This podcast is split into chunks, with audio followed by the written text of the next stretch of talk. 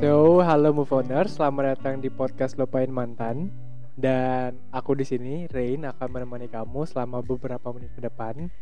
Dan terima kasih juga buat teman-teman yang udah setia dengerin podcast Lupain Mantan dari awal episode pertama sampai episode yang sekarang. Udah lumayan banyak uh, episodenya dan aku harap bisa menginspirasi kalian lebih lagi. Anyway, di podcast kali ini, di episode kali ini kita bakal ngobrolin tentang berdamai dengan masa lalu. Dan mungkin ini hal yang penting untuk kita bicarakan karena uh, banyak teman-teman kita juga yang sedang bingung, yang sedang merasa galau karena uh, hubungan di masa sekarangnya, hubungan yang sekarang dia kerjakan bukan di, iya dikerjakan, iya iya diusahakan, iya kan cinta harus diusahakan ya. Ya ya gitulah maksudnya ya ya pendengar ngerti kan maksudnya gimana. Tapi uh, dia ngerasa ya hubungan itu nggak work dan nggak berjalan dengan baik, ya bisa aja karena itu terjadi ada kesalahan di masa lalu jadi dia nggak sempat berdamai dengan kesalahan itu dan ya udah akhirnya dampaknya dirasakan yang sekarang beban dari masa lalu kayak kekecewaan rasa amarah dan rasa kehilangan itu bisa membuat kita terus menerus ngerasa yang namanya kecewa sama diri sendiri dan gak bisa memaafkan kesalahan kita. So itulah kenapa kita butuh berdamai dengan masa lalu. Dan uh, di sini kita mau ngebahas beberapa tips untuk berdamai dengan masa lalu. Anyway, uh, semua artikel dan tips-tips ini ada di website kita di lupainmantan.com dan kalau kalian mau tahu tentang tips-tips lainnya, boleh langsung cek aja di website kita di lupainmantan.com. Jadi langkah pertamanya itu adalah dengan mengenali dan menyadari kesalahan kita di masa lalu.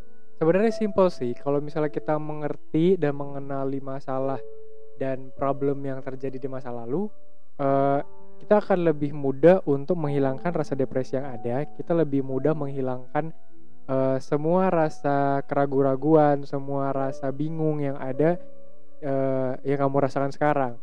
Bisa jadi itu karena kamu dulu mungkin terlalu posesif atau mungkin kamu terlalu woles juga sama pasangan kamu. Jadi hal-hal ini yang perlu kamu ketahui terlebih dahulu. Caranya gimana? Ambil waktu teduh ambil waktu sendiri dan renungkan lagi apa sih sebenarnya yang kamu pernah berbuat di masa lalu dan itu menyakiti hati orang lain gitu. Ya mungkin kamu bakalan nangis ya dan itu hal yang wajar. Dan lagian juga kamu kan di ruangan yang sendiri. Itu hanya kamu dan diri kamu aja. So itu bukanlah hal yang uh, memalukan untuk nangis dan mengingat masa lalu. Nggak masalah. Itu hal yang uh, benar-benar it's okay.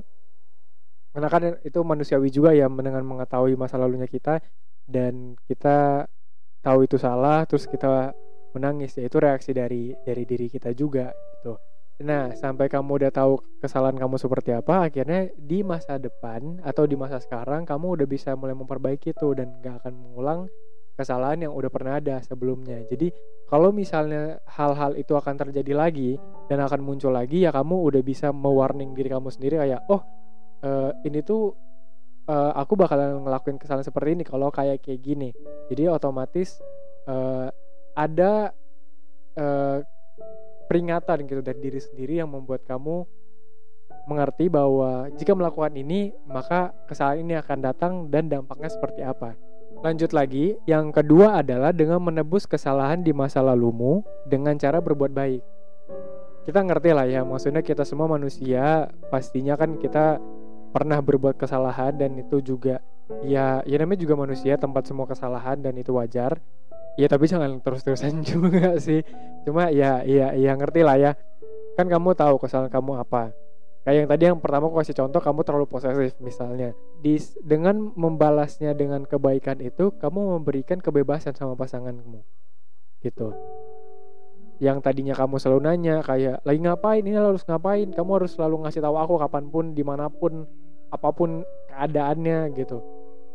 Ya mungkin gara-gara itu pasanganmu merasa terlalu terganggu dengan hal itu dan akhirnya dia buat ya udah eh, dia pergi gitu.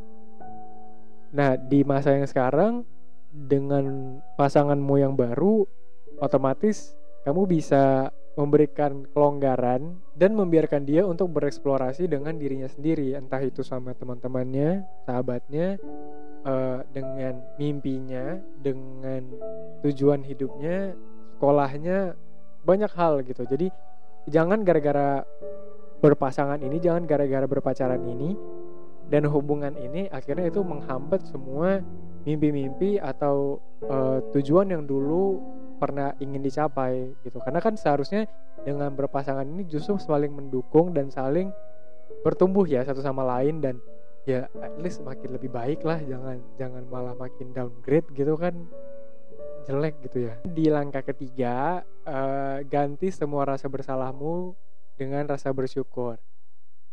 Balik lagi kayak kita kan tahu kalau kita manusia itu tempatnya salah tempatnya ketidaksempurnaan dan ya udah gitu. Kalau emang berbuat salah ya maafkanlah diri kita yang dahulu tapi jangan berbuat lagi di masa depannya. Tapi lihatlah hikmah yang ada dari si kesalahan itu. Ya mungkin dengan kesalahan itu kita harus ngelakuin apa atau mungkin kesalahan itu terjadi karena apa. Jadi e, cobalah berpikir dari point of view yang berbeda. Akhirnya kamu bisa lebih bersyukur dan bisa lebih lebih menghargai si hubungan tersebut. Gitu. So, itu dia tadi tiga tips dari kita lupainmantan.com untuk berdamai dengan masa lalu. Semoga kamu bisa jadi orang lebih baik lagi di masa depannya dan juga bisa membangun hubungan dengan baik ya.